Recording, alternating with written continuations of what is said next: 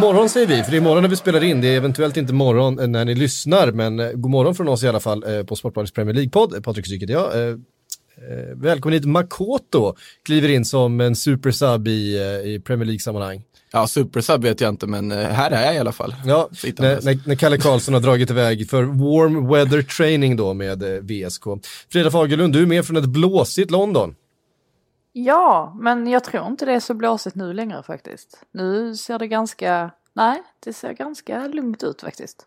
Okay. Det, var, det, det men, var ju men, inte så mycket till storm tyckte jag. Alltså, inte när man är från Trelleborg. ja exakt, exakt. Ja, alltså så här, lite vind, när man har vuxit upp på Tjongavallen då, eh, då har man fått känna vind. Ja men absolut, alltså jag som sagt jag, jag var lite förvånad över att det var sånt himla ståhej. Men de är ju lite känsliga för extrema väderförhållanden. Mm. Det är de ju. Ja, så är det. Vänta tills det kommer snö. Eh, mm. Och allting stänger ner. Det kommer ner. nog ingen som tur är. Men eh, ja, den här annars är ju det ett klassiskt exempel. Ja, det är alltid roligt att vara i London så kommer det verkligen en centimeter snö. Då bara stannar allt. Och så kommer mm. de här orangea bollarna fram som är från tips, äh, tipslördag-tiden. Liksom. De är i och för sig bra för att det är svårt att spela när det är vitt på plan med en vit boll. Ja. Eh, jag gillar dem. Fast nu för tiden så är ju alla bollar liksom typ så orange eller gula eller lila eller liksom alla möjliga färger. Liksom. Så att det är charmen med den här orangea fotbollen på vitt underlag har på något sätt försvunnit ändå. Ja, det där har jag tänkt på med fotbollar. Eh, vi, vi kommer att prata om Premier League om lite stund sen. Men, men det var bara en, en, en, en, sak som jag har tänkt på länge. Alltså den klassiska fotbollen, ni vet, den svartvita, eh, femkanter. Liksom, ja, med svarta prickar. Ja. Mm. precis den. När har den någonsin använts på riktigt? Alltså när spelade man med precis sådana bollar? Varför blev det själva liksom fotbollen? Alltså om man skulle rita en fotboll så är det fortfarande så om man ritar det, men det har ju inte spelats en, en riktig fotbollsmatch med en boll som har sett ut så på typ 30-40 år i alla fall. Varför är det så? Nej, jag avkräver Jag hade faktiskt en sån uh, i Japan en gång i tiden, för då hittade jag, när jag skulle köpa en fotboll, så fanns det en Nike-boll som hade just det där mönstret i butik. Jag vet, den här måste jag ha, liksom. fast med modern tappning. Riktigt fin fotboll faktiskt. Frida, har du ett svar åt mig? Eh, tyvärr inte psyk. Jag får kolla upp detta till, eh, till nästa vecka. Ja, det, är någonting, det, det, är no, det är någonting jag har tänkt ganska mycket på, men jag har inte kommit fram till något. Jag kanske skulle googla någon gång. Eh, den heter ju säkert något särskilt, just den, den. Någon har ju designat en fotboll som såg ut så, så blev den jättepopulär vid något tillfälle. Men jag minns dem ju från när jag var liten, men aldrig att det liksom spelades någon riktig fotboll. Nej, skitsamma. Vi går vidare. Eh, Everton Crystal Palace. Eh, vi har ju bara tre matcher, vi ska säga det, vi har ju bara tre matcher att prata om den här veckan. Dels för att det är uppehåll, vinter vinteruppehåll som de säger då. Eh, det blev istället stormuppehåll eh, för Manchester City och West Ham som fick eh, se sin match inställd då i den där lite lätta vårbrisen eh, som drog in under helgen här. Vad hette den? Stormen... Kiara va? Kiara, så hette den. Den stora frågan här är ju var, vilken fantasyomgång den här matchen hamnar i. Det är en ja, fråga är... som många har ställt sig efter, i och med att man inte vet när den ska spelas riktigt än. Nej, eh, det blir problem. Det är många kaptensval som kan gå riktigt illa. Fan, De Bruyne, jag har ju honom där på. Ja, du ser. Ja inte bra. Jag var helt säker. De Bruyne gör ju minst tre assist mot ett lag som eh, West Ham. Jag, vet, jag drog ett wildcard och plockade in Agüero, men jag minns inte om jag har binden på honom eller på Salah. Så att, uh... eh, men Everton Palace spelades i alla fall på Goodison Park. Eh, ett Everton som går som tåget ju. Eh, man blev ju lite sådär fundersam eh, inför den här Ancelotti-effekten, eh, inte minst efter den där fa Cup-matchen då på, på Anfield. Men sen dess så har ju det här laget verkligen kommit igång och är liksom i formtabellen näst bästa laget eh, den här eh, vintern efter eh, lokalrivalen Liverpool då, men man ligger alltså i formtabellen, tvåa just nu. Vad är det som har hänt med Everton, Frida? Ja, nej men jag eh, är också väldigt imponerad, speciellt då med tanke på den här eh, fruktansvärda Liverpool-matchen. Eh, men jag tycker väl framförallt att det, det är några saker som sticker ut. Det är ju eh, dels det här med att Ancelotti är ju erkänt bra på att eh, höja spelare individuellt. Och det ser vi ju helt plötsligt att ja, men att Richarlison eh, presterar ännu bättre, att Carol Lewin plötsligt eh, sprutar in en massa mål. Eh, alltså för några veckor sedan så hade man ju aldrig kunnat tro att han skulle vara i spekulationerna till att faktiskt komma med i EM-truppen, men det är ju precis så det ser ut nu. Ehm, mm. Så att det, det, är många spelare individuellt sett som har höjt sig. Ehm, och ja, förutom, de har ju fortfarande lite problem där på mittfältet och jag vet inte, Sigurdsson Uh, jag, jag, tror nog att hans uh, tid i Everton går lite mot sitt slut kanske möjligtvis. Schneiderlin likaså. Men eh, uh, Walker till exempel som, som har varit ganska utskälld och hånad rent ut sagt. helt plötsligt så, så gör han lite poäng och assist och gjorde väl mål förra veckan där. Och, det är främst det um, jag tycker man ser hos, hos Everton. Men det är ju Ancelotti väldigt bra på. sen tror jag faktiskt att han och Duncan, att de kompletterar varandra rätt bra. Alltså Duncan som är mer den här, eh, alltså lite, lite hetlevrade, eh, väldigt mycket bara sparka och spring-tränaren. Och så Ancelotti då med all sin eh, kunskap. Ja, eh, ja, men det är nog en bra duo. Jag tycker att båda har del i att Everton går så bra just nu också. Mm. Um igen då, en, en, en trepoängare då hemma mot Palace den här gången. Inte, inte superövertygande hela matchen igenom ändå. Vad tyckte man äh, började väldigt bra. Äh, men äh, släppte in äh, Crystal Palace i matchen i, i andra ganska rejält. Men, Ja, vi kan väl få prata lite om Pickford. Där ja, alltså bara det att, att släppa ett Benteke-skott förbi sig, det är ju nästan ingen som gör det nu för tiden. Det är ändå fint att se att Benteke får näta, sen, sen ska han ju rädda den det här skottet. Han ska ju ta det. Sen gör han ju en jätteräddning på Bentekes eh, nick då senare. Visst att Benteke nickar den rakt på, men han är ju där med riktigt sån där handbollsräddning och sprattlar till och kommer flygande mitt i målet, eh, Pickford. Men, ja, eh, klassisk eh, Pickford, att mm. göra en dålig grej och sen så väga upp det med någonting jättebra eh, några sekunder senare. Eh, det snackas ju mycket nu om, om det här liksom ska kan Pickford verkligen vara förstemålvakt i engelska landslaget med tanke på mm. att han är så här ojämn? Men frågan är ju då, ja men vem skulle gå in och peta honom? Ska man verkligen sätta Dean Henderson eh, med, eh, alltså, som har mycket mindre rutin när det kommer till mästerskap. Ska han stå i mål? Ska Nick Pope stå i mål? Det är ju det som är Englands stora problem också, att det är ju faktiskt ingen som eh, som, som direkt kan konkurrera på det sättet. Alltså med, med tanke på då att Pickford faktiskt har den rutinen han har. Sen är ju Pickford också, jag tänkte på det, att det är ju en riktigt bra eh, alltså turneringsmålvakt. Alltså det var väldigt han, bra i VM för två år sedan. Mm. Ja, han, han är ju dels eh, bra på straffar. Eh, det, det, såg vi ju då. Eh, men också det här att han, han är ju liksom lite, lite galen. Uh, jag tror att man kan behöva det ibland i ett mästerskap, alltså någon, någon som är lite snurrig sådär. Uh, så jag tror inte att det kommer ske. Uh, men jag tycker ju självklart inte att Pickford på sikt borde vara första målvakt i engelska landslaget. De borde ju kunna hitta en bättre, tycker man. Ja, alltså det blir också sådär svårt att ta med Pickford och sätta honom på bänken liksom och slänga in Dean Henderson. Det... Det är väldigt svårt att motivera det skulle jag säga. Alltså, Ja, såklart, du har Henderson, det finns ju en Nick Pope också man skulle kunna mm. teoretiskt ta med. Eh, när ryktades till Chelsea och allt möjligt. Förstår inte riktigt vad man tänker där när han ska ersätta Kepa, varför man ska börja prata om det. I alla fall. Ja. Eh, det känns ju om man jämför då Pick, Pickford med tidigare engelska landslag, jag tänker på liksom James eller Green och sådana där. Mm. Så, och Hart. Mm. Alltså, ja, han gör vissa missar ibland, men jag tycker ändå att om man tittar på konkurrensen idag och så vidare så finns det ingen anledning att peta Pickford, för han levererar ju fortfarande i landslagströjan. Bara det att han kan slänga sig till vänster gör honom Bara mer, sån mer, mer kvalificerad än Joe Hart.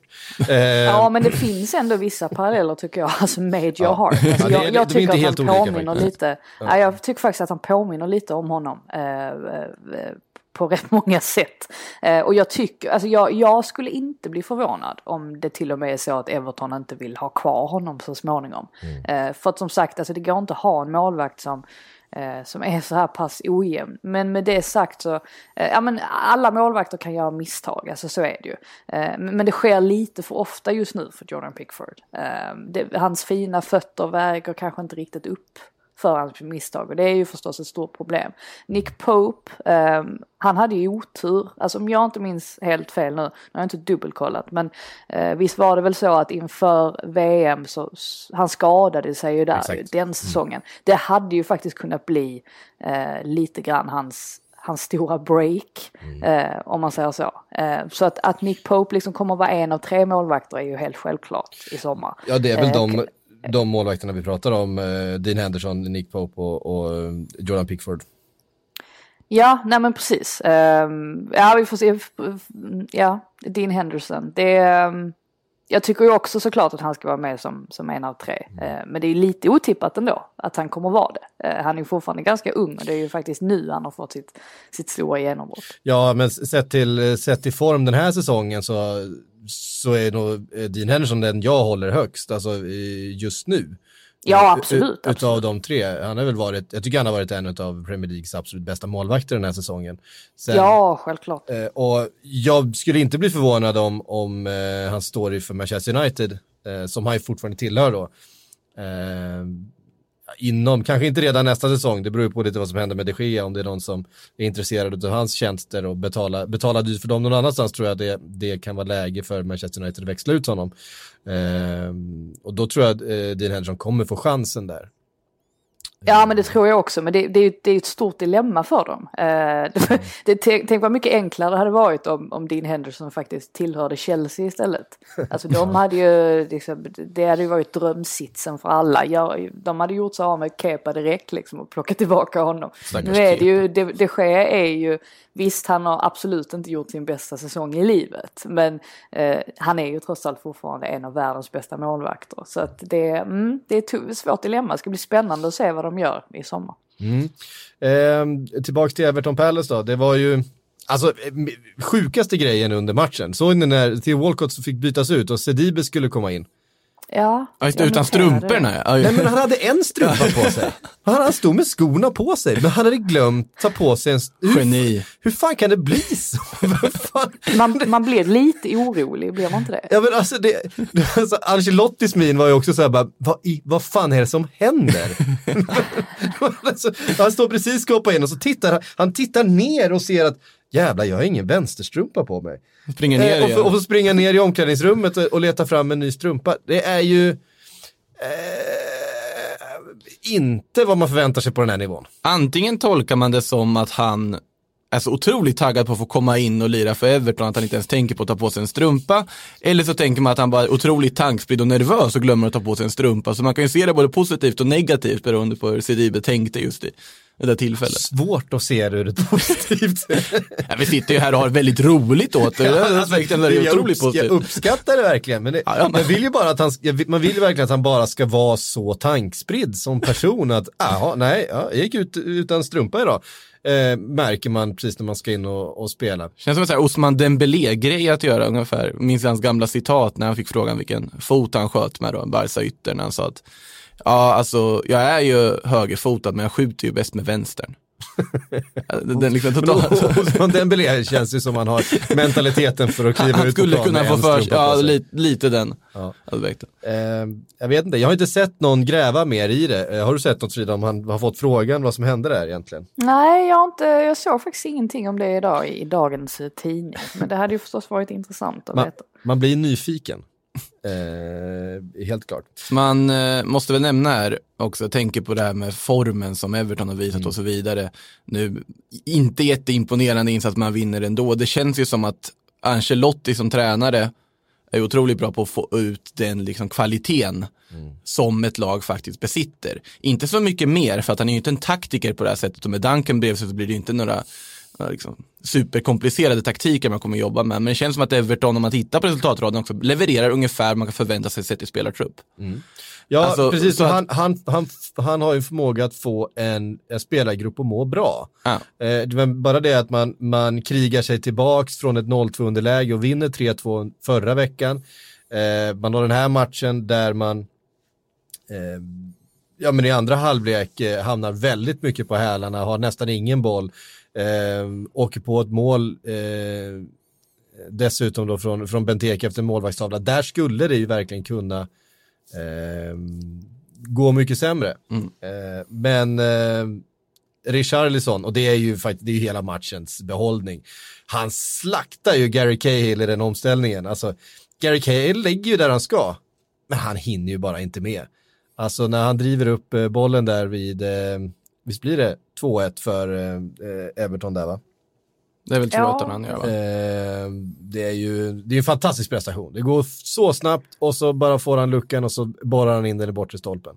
Ja, och Richarlison är ju, alltså han är ju en riktigt bra spelare. Ja. Och han är ju fortfarande väldigt, väldigt ung. Alltså jag tycker han har, han har, sen han kom till Everton så har han hamnat i ett litet orättvist fack. Eh, där folk liksom har hånat honom lite grann för hans prislapp och åh, han är inte värd de pengarna. Och sen när de här ryktena om Barcelona dök upp, eh, även om det fanns noll substans i dem eh, säkert. Men, eh, nej men då var det återigen det här, va? Richarlison, varför skulle någon vilja betala en massa pengar för honom. Och det, jag, jag, tycker det är, det är fel, alltså helt felaktig eh, uppfattning om honom. Jag tycker det är fint att se därför att, alltså att Ancelotti nu liksom kan eh, för, eh, förvalta eh, hans kvaliteter på det här sättet. Och som sagt, han är ju han är fortfarande ung. Alltså han har ju eh, alltså, hur många år som helst på sig nu när han kan utvecklas ännu mer, ta ännu fler kliv. Så att, eh, nej, men det är kul för honom att han trivs. Verkligen, och även om det där budet var påhittat så tror jag inte intresset från Barcelona är, eh, är påhittat. Det tror jag är högst eh, verkligt. Alltså, uh.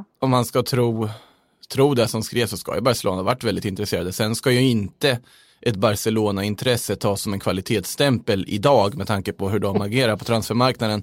Men i Richarlisons fall så blir jag också lite nyfiken hur ni känner. Hur, även om han är väldigt, väldigt bra, är han liksom miljardbra? Att det finns en logik att betala en miljard för honom för en stor klubb? Ja, jag tror han kan vara det. För att jag, mm. jag, tror att anledningen till att han, han ser så bra ut just nu det är att Calvert Lewin går bra också. För att Richarlison är ju en anfallare som gärna flyter ut långt ifrån straffområdet och helt plötsligt kan ju han vara nere och, och, och försvara jättedjupt på egen planhalva. Eh, så tänker man liksom, va, vad, vad gör han där?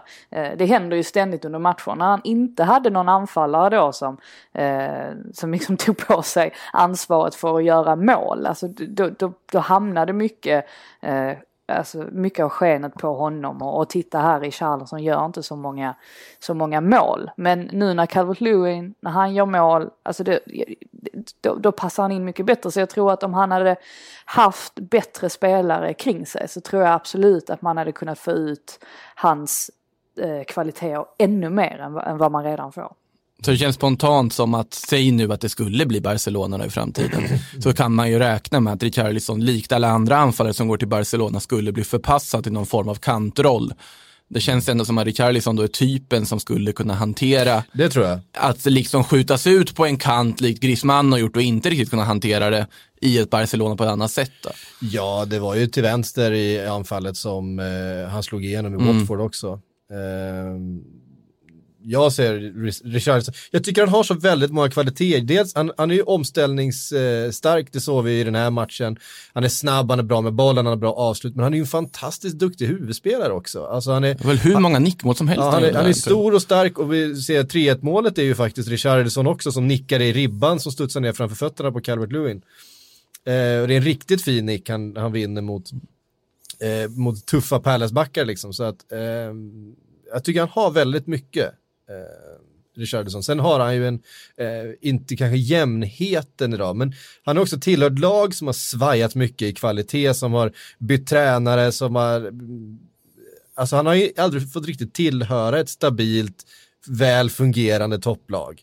Eh, och jag tror att med hans många kvaliteter och hans, hans eh, ja, så bra han är, och med hans unga ålder då, hans möjlighet att faktiskt eh, utvecklas ännu mer, eh, har tillräckligt mycket i, i, sin, i sin verktygslåda för att kunna bli riktigt, riktigt bra. Eh, jag håller med Frida där.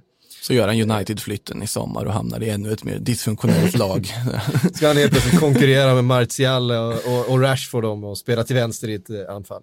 Eh, jag vill också lyfta fram Seamus Coleman i den här matchen. Jag tycker han, eh, James Coleman som ju haft mycket skador de senaste åren, eh, var ju en av ligans absolut bästa ytterbackar eh, för en fyra, fem, sex år sedan sådär. Jag kommer ihåg att vi satt och pratade i den här podden om hur han och eh, Everton kunde ligga i mitten av tabellen men ha eh, ligans bästa ytterbackar då i Leighton Baines och Seamus Coleman. Eh, jag tycker han har kommit tillbaka till en väldigt fin nivå, han var jättebra i den här matchen också tycker jag. Han, jag gillar honom. Så här, också, det är ju ett av senaste tio årens fynd, jag vet inte vad han kostade, liksom en, en tvåbackaläsk när de hämtade honom från eh, Nordirland och eh, gjorde honom till en världsytterback eh, faktiskt som han var under de första säsongerna. Eh, fint att se honom spela fotboll, eh, tycker jag även den här säsongen. Ehm, Everton Palace 3-1 var det, frågetecken för eh, Pickford som sagt, Sheffield United Bournemouth 2-1, där spelade Dean Henderson då en annan typ av roll. Eh, när han, och eh, framförallt då den räddningen gör, vems vem är det som skjuter? Är det Callum Wilson som, eh, som har det avslutet? Han gör en... en mm, Fraser, en, var ja, ja, Ryan Fraser kanske det var. En, en enorm räddning eh, faktiskt. Det är riktigt, riktigt fin den han gör, Dean Henderson. Eh, kul också med Sander Berge från start. Han har ju tagit den där platsen rakt av. Alltså det är ju deras prestigevärvning också. Och ja. Jag vet att man har sagt i något annat sammanhang här att, att John Landström nu ska petas i och med detta och man ska akta sig för honom i fantasy tror jag att jag sa i Silly-podden och så såklart så kommer Sir John Landström in, inbytt för Sander Berge och avgör matchen. Ja, just. Och sen guldbollskollage där från Sheffield Uniteds Twitterkonto efter han står där med Ballon d'Or. ja, nej, men det, det, är det man inte ska underskatta. Alltså, det är klart att Lundström känner att liksom, oj, här kommer en, en, en ung jäkla norrman liksom och tar min startplats. Det är klart han sitter på bänken och fullkomligt kokar och liksom vill in och visa vad han kan. Och det är ju precis detta Sheffield United behöver. De behöver lite, lite djup i truppen. Eh, för ska de liksom hänga kvar så högt upp i tabellen som man ligger nu. De ligger femma. Det är ju helt eh, Helt bisarrt alltså vad bra de har gjort. Eh, de måste ju ha ett litet öga på Europaspel nästa säsong också. Då behöver man fylla på den här truppen för att den, ja, nej, de måste ha fler kroppar in. Liksom. Ja, och det verkar ju som att eh, Chris Wilder har fått gehör alltså från, från mm. styrelse och, och, och ägare och sådär och, och fått mandat till att plocka in lite spelare. Och jag tycker att Sander Berge ser eh, extremt intressant ut. Jag, jag eh, för, förstod inte riktigt hur, hur lång han är för det första. Att han är liksom 1,95. Alltså, och han är ju otroligt duktig på att täcka boll. Eh, han visar sig hela tiden. Man ser ibland att han är lite, han hamnar lite snett på det. Och, alltså på, positionsmässigt så, så kanske han inte är helt hundra. Men det är ju definitivt eh, enormt mycket potential. Jag tycker det är alltså, jättesmart av Sheffield United att värva honom så här pass tidigt. Ta honom innan någon annan gör det. Jättesmart.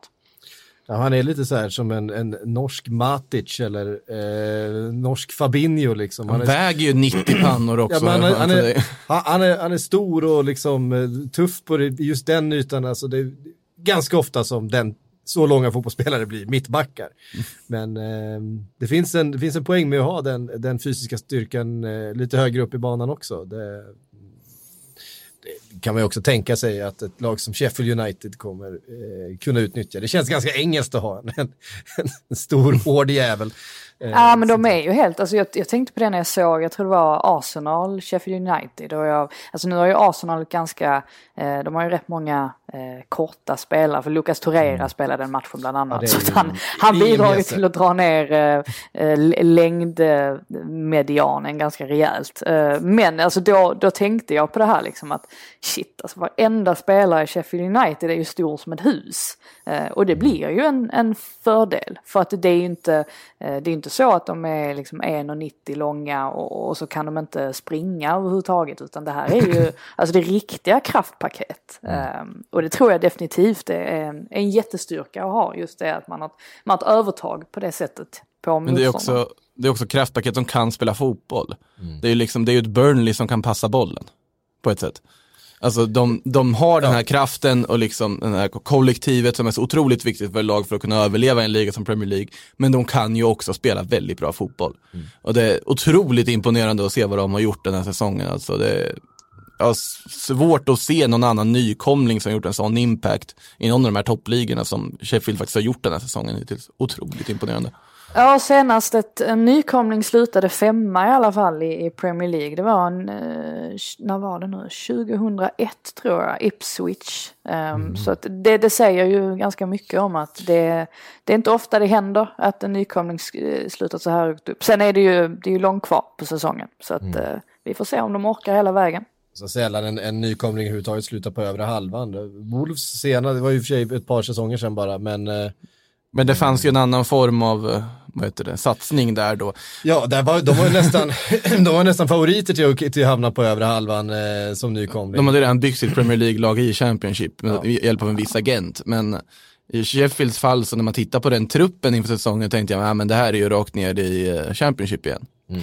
Ja men det är ju ett problem, alltså nu, eller problem, men nu, nu glider jag över lite på, på bottenstriden här. Eh, ja. Men just det här med att det numera kommer upp klubbar, eh, alltså nykomlingar som, som faktiskt liksom hänger kvar, alltså de, de blir inga slagpåsar. Visserligen har vi Norwich där, eh, alltså mm. på, på sista platsen men, eh, men det är inte som att de har eh, liksom kommit till Premier League och sen så förväntas alla lag att slå dem. Alltså de, även de har ju ganska höga höjder.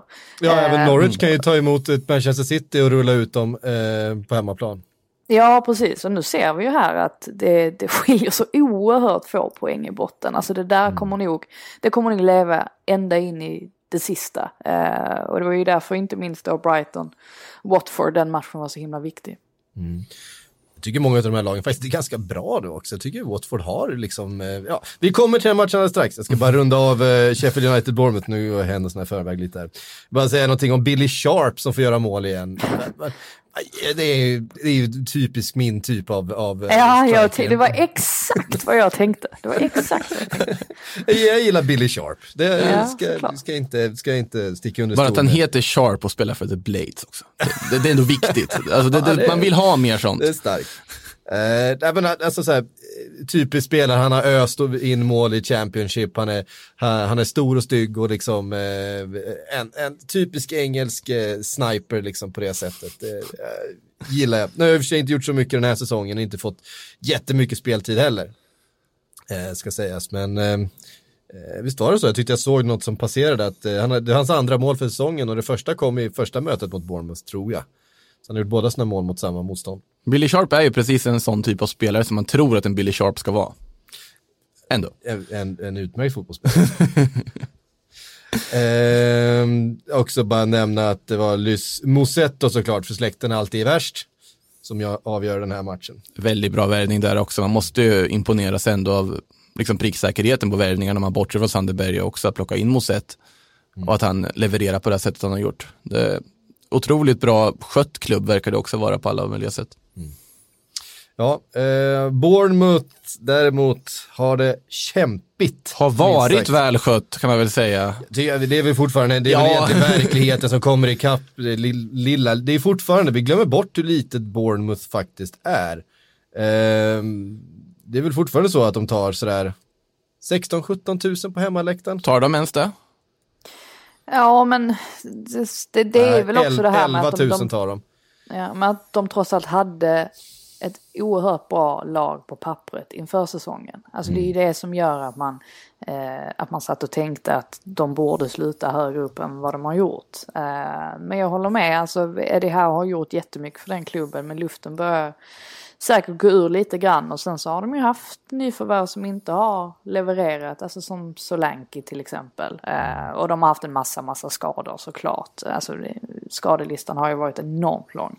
Eh, men, men här, just i den här matchen så, så tycker jag lite synd om dem ändå. Eh, med tanke på att de, de startar ju, eh, de är ju bättre än Sheffield United, alltså första delen av matchen.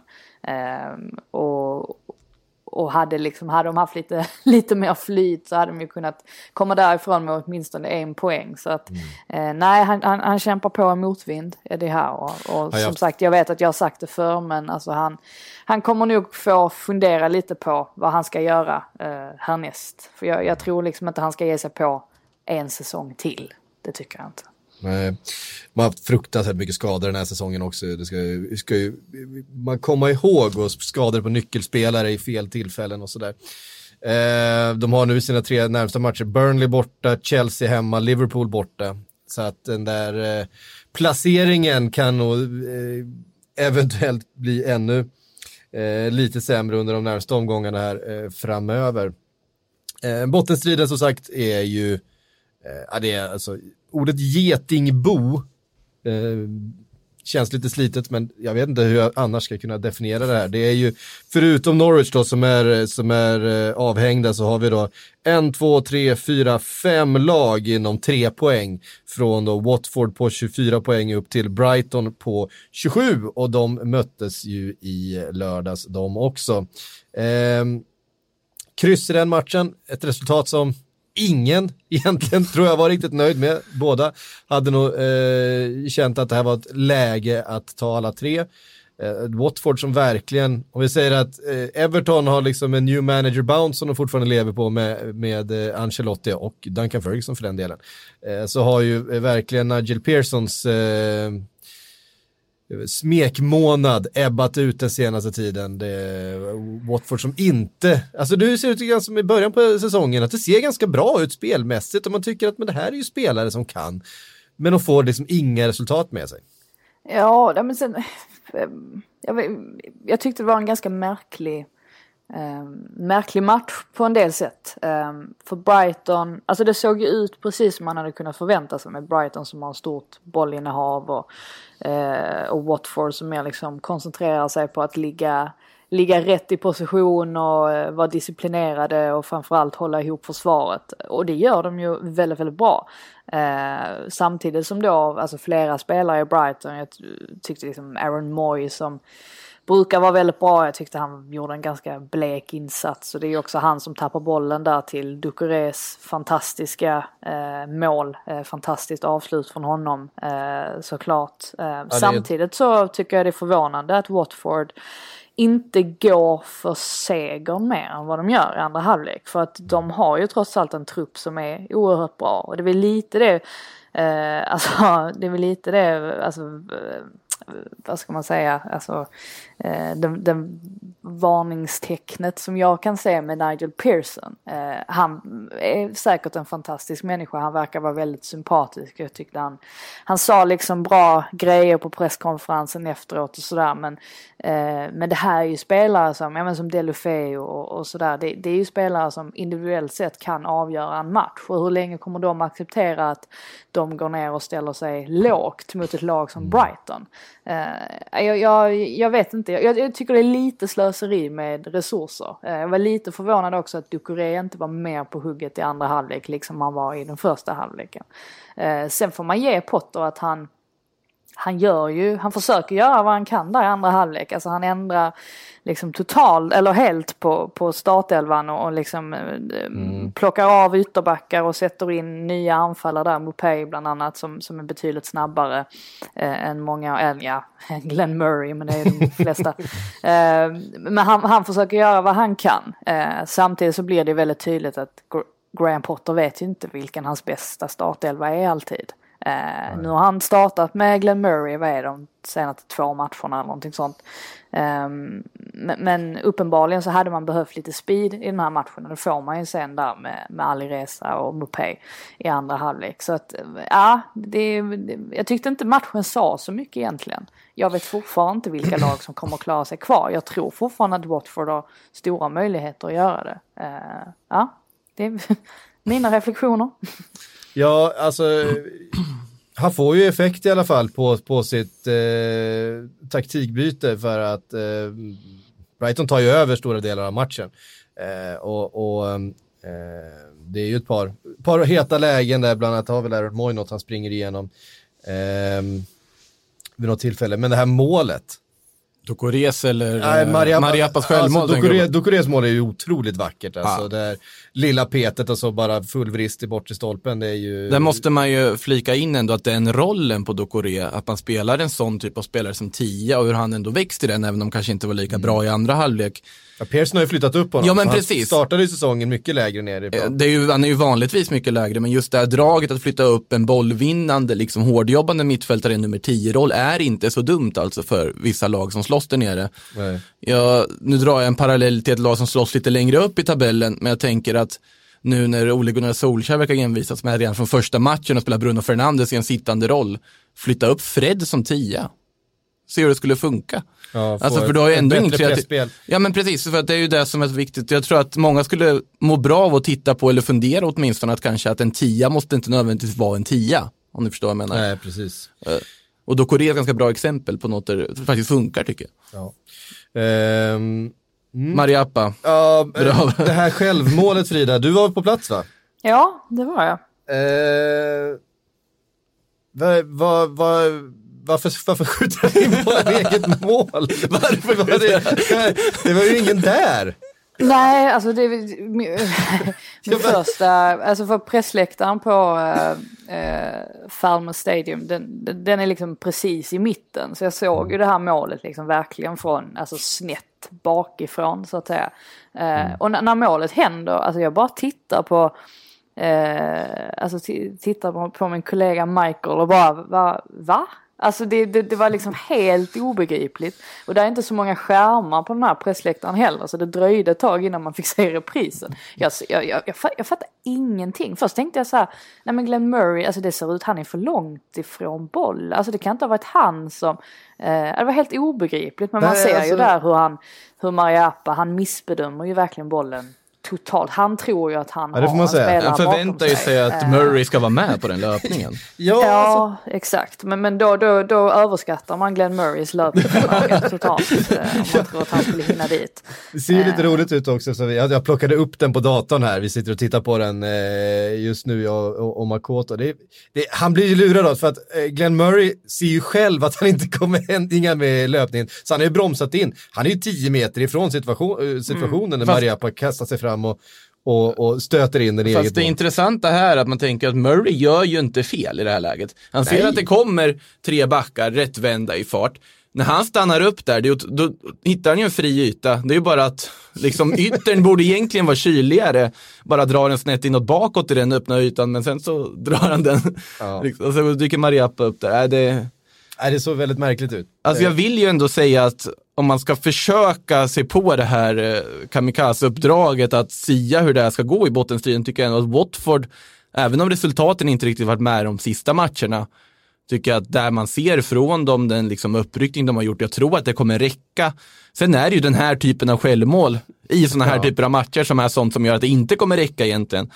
Men eh, både Watford och Brighton tycker jag ändå ser så pass stabila ut att de borde kunna klara sig ur det här. Det Mm. Och då- finns andra lag som känns som att de ligger väldigt mycket mer pyrt till. Ja, alltså det är ju Bournemouth, eh, sen är det ju West Ham då, och då är det så här, ska West Ham ryka? Mm, ja, det är ju de alltså- som har mest att förlora på något sätt känns det som. För West Ham är ju det laget som liksom nedflyttning hade tagit hårdast på. Ja, alltså. Eh, Ändå. Visst att West, Ham har en match mindre spelad då till exempel än, än Watford, men den är ju mot Manchester City eh, på bortaplan, så att där kan de inte räkna med att ta några poäng. Mm. Ehm, Aston Villa, vet inte, jag tycker också, jag tycker Aston Villa också är för bra för att åka ur egentligen. Alltså jag tycker många av Är de här de det? är, är, är ganska bra ändå. Det är ju sällan en bottenstrid i Premier League har haft så många bra lag. Alltså man tänker att ofta ska det finnas vissa strykpåsar som typ ett Cardiff som eh, inte stod för någonting av vad fotboll handlar om under sin säsong liksom i Premier League. Men här är det ju lag som faktiskt, bra lag. Lag som man aldrig kan vara säker på att slå heller och jag tycker att kvaliteten i ligan på så sätt har ju ökat något enormt. Ja men alltså du har I ett alla fall West, i ett, ett, bottenskiktet. ett West Ham med, eh, som i och för sig skulle jag, alltså det är ju det är är fruktansvärt illa, illa skött förening. Alltså där du har en, du har inte ens en riktig ledarstab liksom, utan du har eh, David Moyes som eh, kommer in utan full stab när de har sparkat en hel ehm, Men han kan spanska, så jag tror att han kan få igång eh, Fornals och gänget nu. Så att, Skulle du verkligen säga att, att, att, att David Moyes kan spanska? inte riktigt kanske. Ehm, uno, dos, three. Vi... Stefano, Stefano.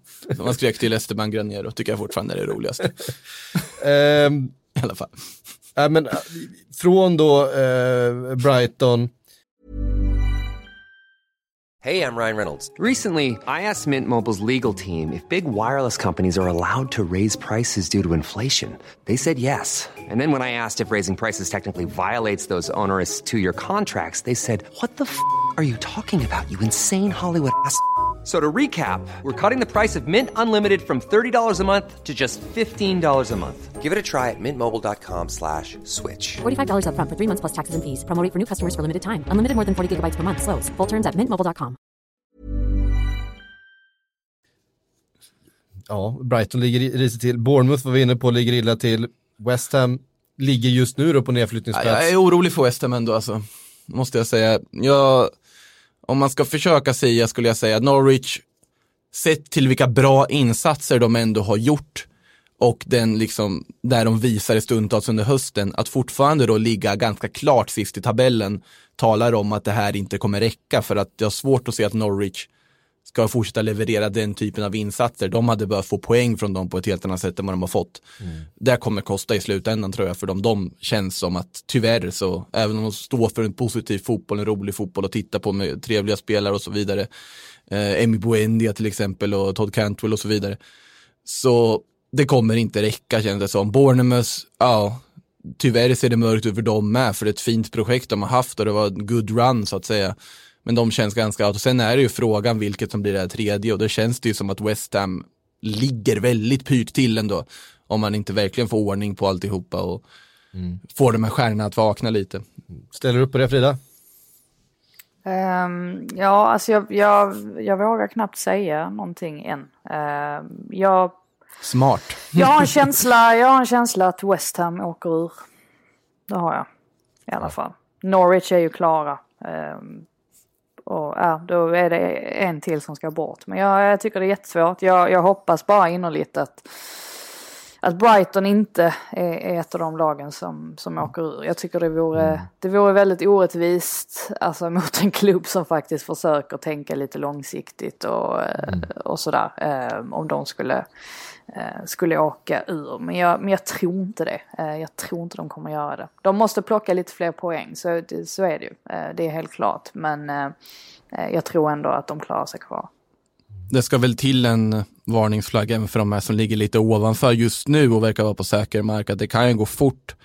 Tänker på typ Crystal Palace och så vidare som mycket väl kan bli indragen om i en bottenstrid om man fortsätter att tappa poäng på det sättet man har gjort. Eh, Man hoppas ju bara som utomstående här att vi kommer faktiskt få ett riktigt spännande bottenstrid i de här sista dagarna. Lite som vi har haft i Spanien väldigt många år med typ så fem lag som kan åka ur på sista omgången. Premier League bottenstriden känns ju som att den ofta har varit ganska avgjord inför slutomgångarna. Om man tittar på liksom senaste decenniet i princip. Det är väl vissa undantag naturligtvis men ofta så känns det ganska punkterat inför sista omgången. Nu har vi alla möjligheter att få en riktigt levande bottenstrid med all, all misär och all potentiell lättnad och glädje som den kan innebära och det finns något oerhört vackert och häftigt med just en sån bottenstrid. Ja, ja, det kommer bli. Och, eh, om vi rör oss ännu lite ner i systemet då, så hade vi en eh, rätt häftig match mellan eh, Nottingham Forest och Leeds United i, i Championship. För där börjar det också dra ihop sig.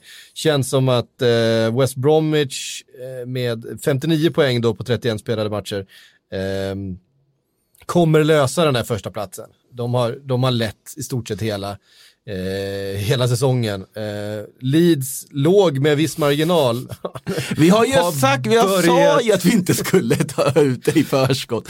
Vad är det de har? Fyra förluster på fem senaste eller något? Ja, precis. Är nu nere på 55 poäng då. Samma som Fulham, en poäng bakom ligger nu Nottingham Forest. Det är en förbannelse, de kommer Ehm, inte klara det där. Man, man Brentford- hade inte vågat tro på det. Brentford, Brentford på 53 poäng då, så att det är det fyra lag då med, med två matcher emellan och sen Preston North End på 50 poäng. Jag vill så gärna ha Preston North End i, en, i, i ett, i Jag ett tänkte kval alltså. samma sak när jag såg dem på sjätte platsen. Liksom. Ja, det hade varit ett fint lag att få upp igen. älskar ju det där kvalspelet och man vill ju, alltså det hade varit så tråkigt om det var liksom Cardiff och Swansea och sådär igen. Jag vill ju ha, Du vill inte ha Alltså- walesare, det är därför jag säga. jag har inget emot walesare men, men de, har vi sett liksom, vi vet vad de kan ungefär. Ja men precis, man vill ha nya gäng eller, alltså Nottingham är ett sånt här lag som man verkligen vill se med tanke på den historien den klubben har. Vad skulle de kunna göra i Premier League idag? Ja, det har varit otroligt spännande att se. Leeds vill man ju naturligtvis ha upp igen, för Leeds är hemma i Premier League. Någon gång måste de ju ta sig tillbaka. Men nu har vi ju jinxat den här studion. Jag vet att du tidigare sagt att ja, men, de, ja, men det är klart nu. Ja, Och sen, Jag har, jag har jinxat Leeds lite grann, det, det, kan, det kan jag hålla med om.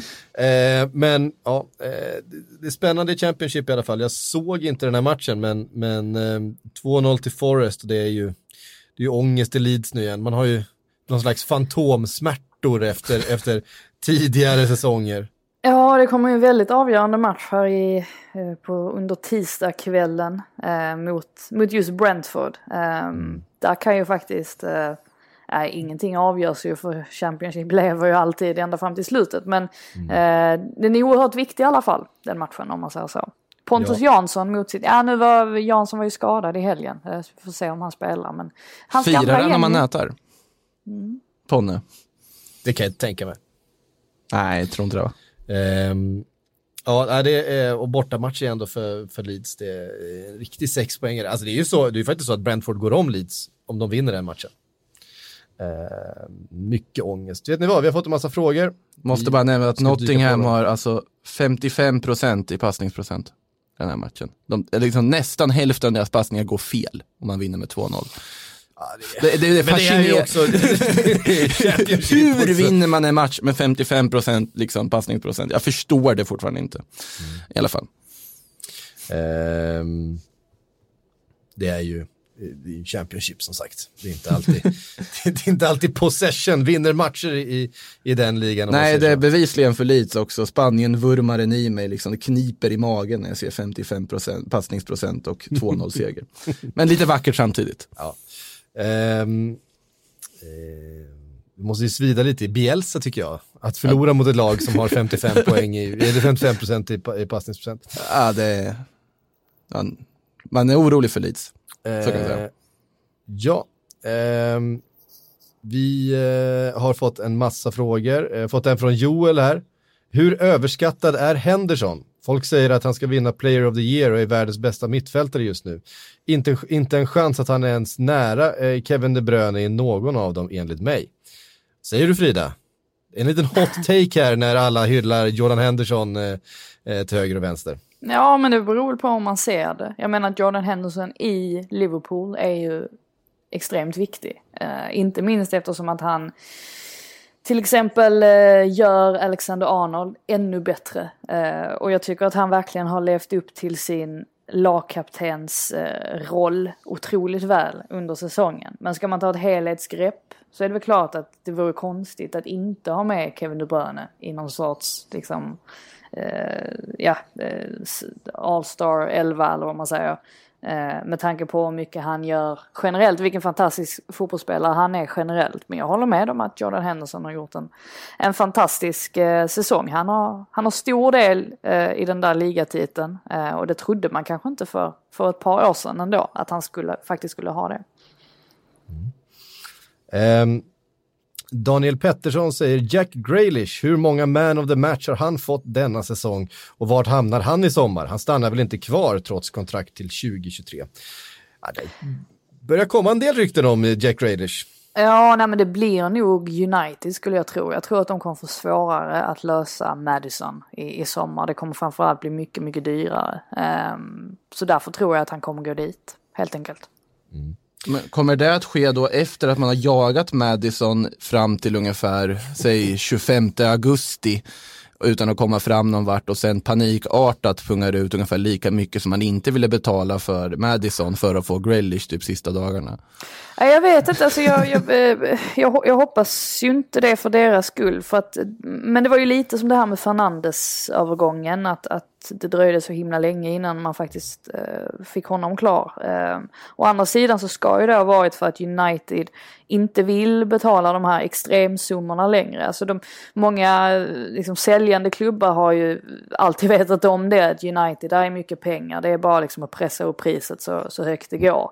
Eh, alltså nu har United börjat trötta tröttnar lite på det och, och tycker liksom att någon, någon gång får måttet vara rågat. Och, eh, Leicester kan ju pressa upp priset på, på Madison eftersom att han är en jätteviktig spelare för dem och de är ju en toppklubb liksom i Premier League numera också.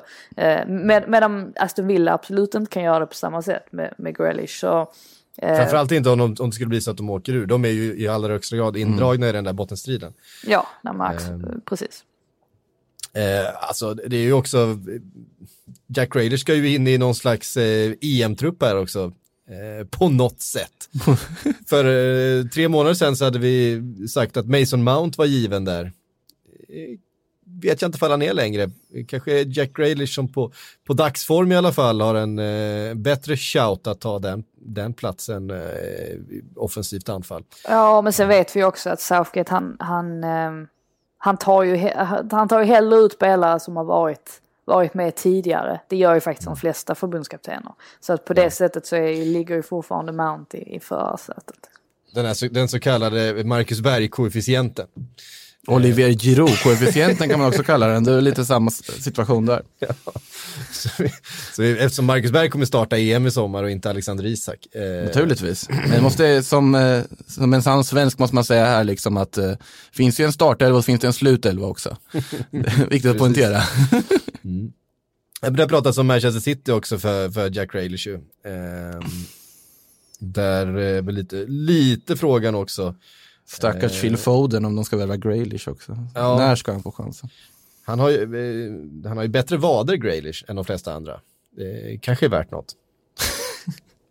eh, han, har såna, han har så extremt sådana breda vader. Vet man, så, alltid... Roberto Carlos-stuk på eller? Ja, precis. Man har ju alltid strumporna nere vid, vid eh, skorna, vilket jag börjar tröttna lite grann på att spela med de här eh, junior benskydden. Men han har ju sådana här vader som man ser framifrån. Eh, fascinerar alltid mig. Liten teori här, hur var Sidibes vader? Kan det funnits någon sån aspekt att han ville visa upp dem som gjorde att han medvetet glömde strumpan? Ja. Eh. Jean-Pascal Stryver skriver, er syn på att transferfönstret förlängs i sommar. Tack för en grym podd. Uh, ja, tack själv. Uh, vi pratade lite grann om det i Silly, vi kan ju ta upp det här också, att man nu har beslutat att flytta fram deadline day då istället för att ta slut före säsongen börjar så tar den slut när eh, övriga eh, Europas deadline day tar slut helt enkelt den 31 augusti eller som det blir då i år med tanke på att det är en helgdag den 31 augusti den 1 september. Eh, hur har reaktionerna varit? Det var ju väldigt väntat här skulle jag säga. Det blir ju så, de klubbarna förlorade ju ganska mycket i eh, Eh, både pengar och, och planering på att ha det så här, när ingen annan bytte så fanns ju bara risken att man tappade spelare istället för att kunna ersätta dem. Eh, vilket ju blev en ot otrolig nackdel för de engelska klubbarna. Hur, hur har reaktionerna varit Frida? Uh, uh, vi, ja, alltså min reaktion är i alla fall att jag ogillar det starkt. Um, det vill, alltså, mm, man, man, vill ju gärna att när säsongen väl drar igång så ska det mesta liksom vara på plats. Alltså visserligen så, liksom, Tottenham hade ju sina eh, bekymmer eller vad man säger med, med Christian Eriksen där och, och, och, så. Men, men alltså de grejerna blir ju betydligt färre om man faktiskt stänger fönstret dagen innan serien drar igång. Så att jag eh, är inte särskilt nöjd över att de kommer eh, göra det här. Eh, sen fattar jag ju, jag fattar varför de gör det och det är ju kul att man får en ordentlig deadline day-sändning igen. Men ehm, ja. i övrigt så, så ser jag inte speciellt många positiva aspekter med att gå tillbaka till hur det var förr. Alltså problemet är ju att andra ligor startar så mycket senare. Eller ja. tvärtom. Mm. Alltså det enklaste hade varit, nu blir det ju svårt i Premier League med tanke på det spelschemat och så vidare. Men att bara senare lägga att alla ligor startar sista helgen i augusti. Mm. Att, att, bara liksom de stora fem kan komma överens om det och vi stänger fönstret precis innan det. Det hade ju varit det bästa för alla parter egentligen och det mest logiska att ja, men nu har trupperna satts och så vidare. Problemet för Premier League är ju att ingen annan vill hänga på att starta så tidigt som Premier League vill göra och Premier League vill inte starta senare. Så ser i alla fall jag problemet och i och med att fotbollen nu liksom är så pass global och alla byter ligor titt som tätt så måste man ju nästan ha ett gemensamt fönster för att det ska funka. Mm. Eh, kverulerar, skriver, vad är risken att Klopp kör slut på sin favoriserade elva? Ser stora likheter med Dortmund, spelare som är fantastiska i hans system men kanske inte i andra lag. Typ Kagawa, Sahin, Götze.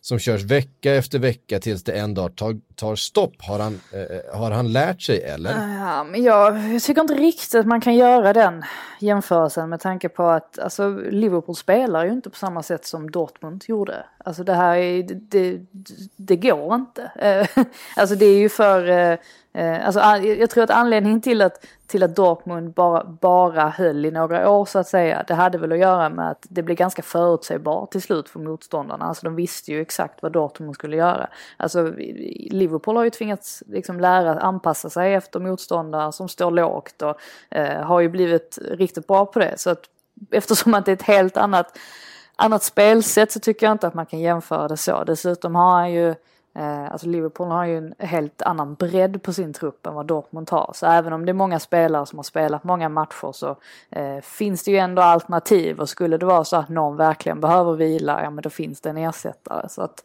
eh, nej, det tycker jag inte. Alltså det finns ju en hierarkiskillnad också i att i Dortmund så var det ju hela tiden en fara för att tappa sina bästa spelare till typ Bayern München. De tappade ju hela tiden. Ja, ja precis, de tappade också spelare hela tiden till Bayern München och dessutom så att ja, men då deras kvalitet är ju inte lika hög som den Liverpool har idag. Så sen det här med att köra slut på spelare för att inte och så vidare. Så Klopp vaskar ju kupper för att han inte ska köra slut på spelarna. Tycka vad man vill om det. Jag tycker väl personligen att det är nästan förkastligt att skicka ut där lagen gör i en FA-cup. Eh, personligen tycker jag i alla fall. Men i övrigt så det finns ju ingen risk att han kör slut på spelaren. Då är det ju helt bisarrt i sånt fall med tanke på att han verkligen vaskar allt som inte har med Premier League och CL att göra just nu. Mm. Eh, ja, precis. Det känns, det känns som att han är eh, han är oerhört, eh, han säger det, jag ser efter mina spelare och det, vi måste hålla på den här ledigheten. Alltså, det känns som att han blev lite bränd och att han kanske eh, överreagerar lite grann också eh, i just den här frågan, just med tanke på det som hände i, i Dortmund. Det kan finnas en sån. Det kan finnas en sån aspekt, absolut. Eh, en sån aspekt. Sista frågan innan vi knyter ihop eh, säcken för idag. Eh, kommer från Linus Sjögren, han undrar, vem tror ni tar över Manchester City efter Pep? Mm, ja, det är, det är ju rätt så svår fråga ändå. Um, det tror var, du det, det sades, ja. ja, men det tror jag nog. Um, och det sades ju att Arteta var ganska högt upp där ju på den listan. Mm. Uh, det hade varit att de plockar honom från Arsenal nu. Nej, men alltså, alltså givetvis innan han, Nej, innan han lämnade. Precis, precis. Uh, men nu vet jag faktiskt inte, alltså känner man ägarna, de saudiska ägarna rätt så, så lär det väl bli ett stort namn i alla fall. Eh, sen är frågan vilket är det stora namnet? Jag har faktiskt inte tänkt så mycket på det. Eh, jag, har inte, jag har inte sett så många spekulationer heller eh, kring det. Så att nej, det blir intressant. Första namn som dök upp i mitt huvud när den frågan kom nu var ju Allegri. Ja, men jag vet inte, alltså, sen finns ju en Pochettino också. Ja, alltså Pochettino som eh, mer och mer då citeras det här Manchester United-jobbet ju. Eh, det känns som att eh, de håller på att försöka styra med en organisation för eh, Pochettino att kliva in i, för han vill väl eh, antagligen Tar han inte hellre City egna... då? Ja men frågan Om... är så här, vill man verkligen ta över City efter att Pep Guardiola har varit där? Alltså jag fattar ju hela den här grejen med att man har fantastiska spelare eh, att tillgå. Men jag, eh, ja det, det, är ändå, eh, det ska krävas ett jäkla mod för att kliva in där efter Guardiola. Rakt byte då, skicka Sarri dit. Men Pep ska ja. ta Juventus sen, vilket är min teori. Jag tror inte Premier League vill ha tillbaka Sarri. Eh, ja, jag tror inte Sarri heller vill tillbaka till England. det finns en poäng där. Men när, jag säger Allegri om jag ska säga ett namn, om vi ska sticka ut. Mm. Det kan vara, det är säkert helt fel. Men... Nagelsmann. Från, om de får loss honom från, eh, från eh, Leipzig. Nagelsmann måste i sånt fall vara den mest liksom, omtyckta tränaren som tar över de minst omtyckta klubbarna i världen. Om man tar liksom, först Red Bull Leipzig och sen efter det tar Manchester City. Liksom. Mm. Fast vi gillar Hoffenheim. Ja det gör vi ju, men ändå, eh, det var ju där han började, där han slog igenom. Men efter det, liksom klubbvalen när man skulle ta City på liksom, Leipzig, det hade varit lite intressant. Ja, hörde ni, eh, vi måste stänga butiken eh, för idag. Tack eh, Makoto, tack Frida för att ni kom in. Eh, Tack, Patrik. nä- nästa vecka har vi förhoppningsvis ett, i alla fall ett par matcher till fler att prata om. Det blir inte så många mer, det är halv omgång då också. Eh, Stormen har väl gått över så att det borde inte vara ställas in för den. Nej, fall. precis. Och missa nu inte Championship i veckan för att det, det är spännande. Eh, verkligen.